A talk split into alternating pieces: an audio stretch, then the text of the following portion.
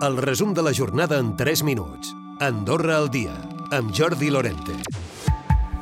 FEDA tancarà l'any amb pèrdues de 20 milions d'euros, rebaixades a 5 pel crèdit extraordinari del govern.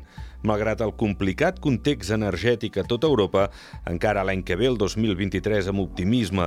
FEDA, de fet, ha estat una companyia sanejada que ha hagut d'augmentar les tarifes, tot mantenint la competitivitat.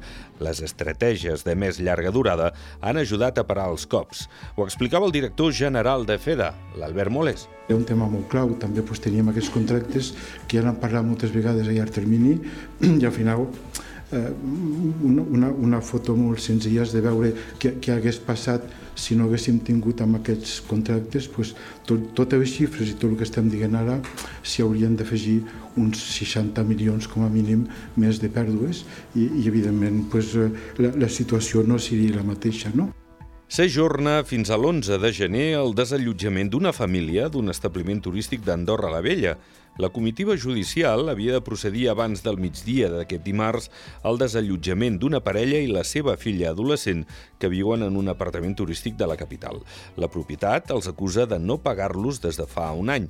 En parla la gerent d'aquest establiment. Creo que ya es momento de que mm, nos den una bala a nosotros y poder estar tranquilos dentro del establecimiento porque tampoco son personas que nos hacen la convivencia misma con los clientes eh, amena. Hemos tenido varias quejas de clientes, de gritos, de golpes. Eh, aquí hemos llamado nosotros varias veces a la policía. El govern ha rebut 15 sol·licituds per a l'adquisició o l'arrendament d'immobles per destinar-los a habitatges de preu assequible. Són una dotzena d'edificis, tres dels quals inclouen habitatges individuals. Un cop inspeccionats, el Ministeri farà una taxació del valor dels immobles i dels costos de rehabilitació abans que els propietaris puguin presentar una oferta. Els contagis de la Covid-19 continuen baixant, els casos actius cauen en gairebé un centenar, se situen en 165. La darrera setmana s'han detectat 80 casos nous. A l'hospital continua havent-hi un pacient ingressat a planta i les defuncions es mantenen en 158. Les agències reclamen una tarifa estàndard i més difusió del servei. Accepten que hi hagin diversos preus en funció de la temporada, però demanen una opció de preu de referència. Quan una tercera freqüència setmanal veuen amb bons ulls que el dia escollit sigui el dimecres.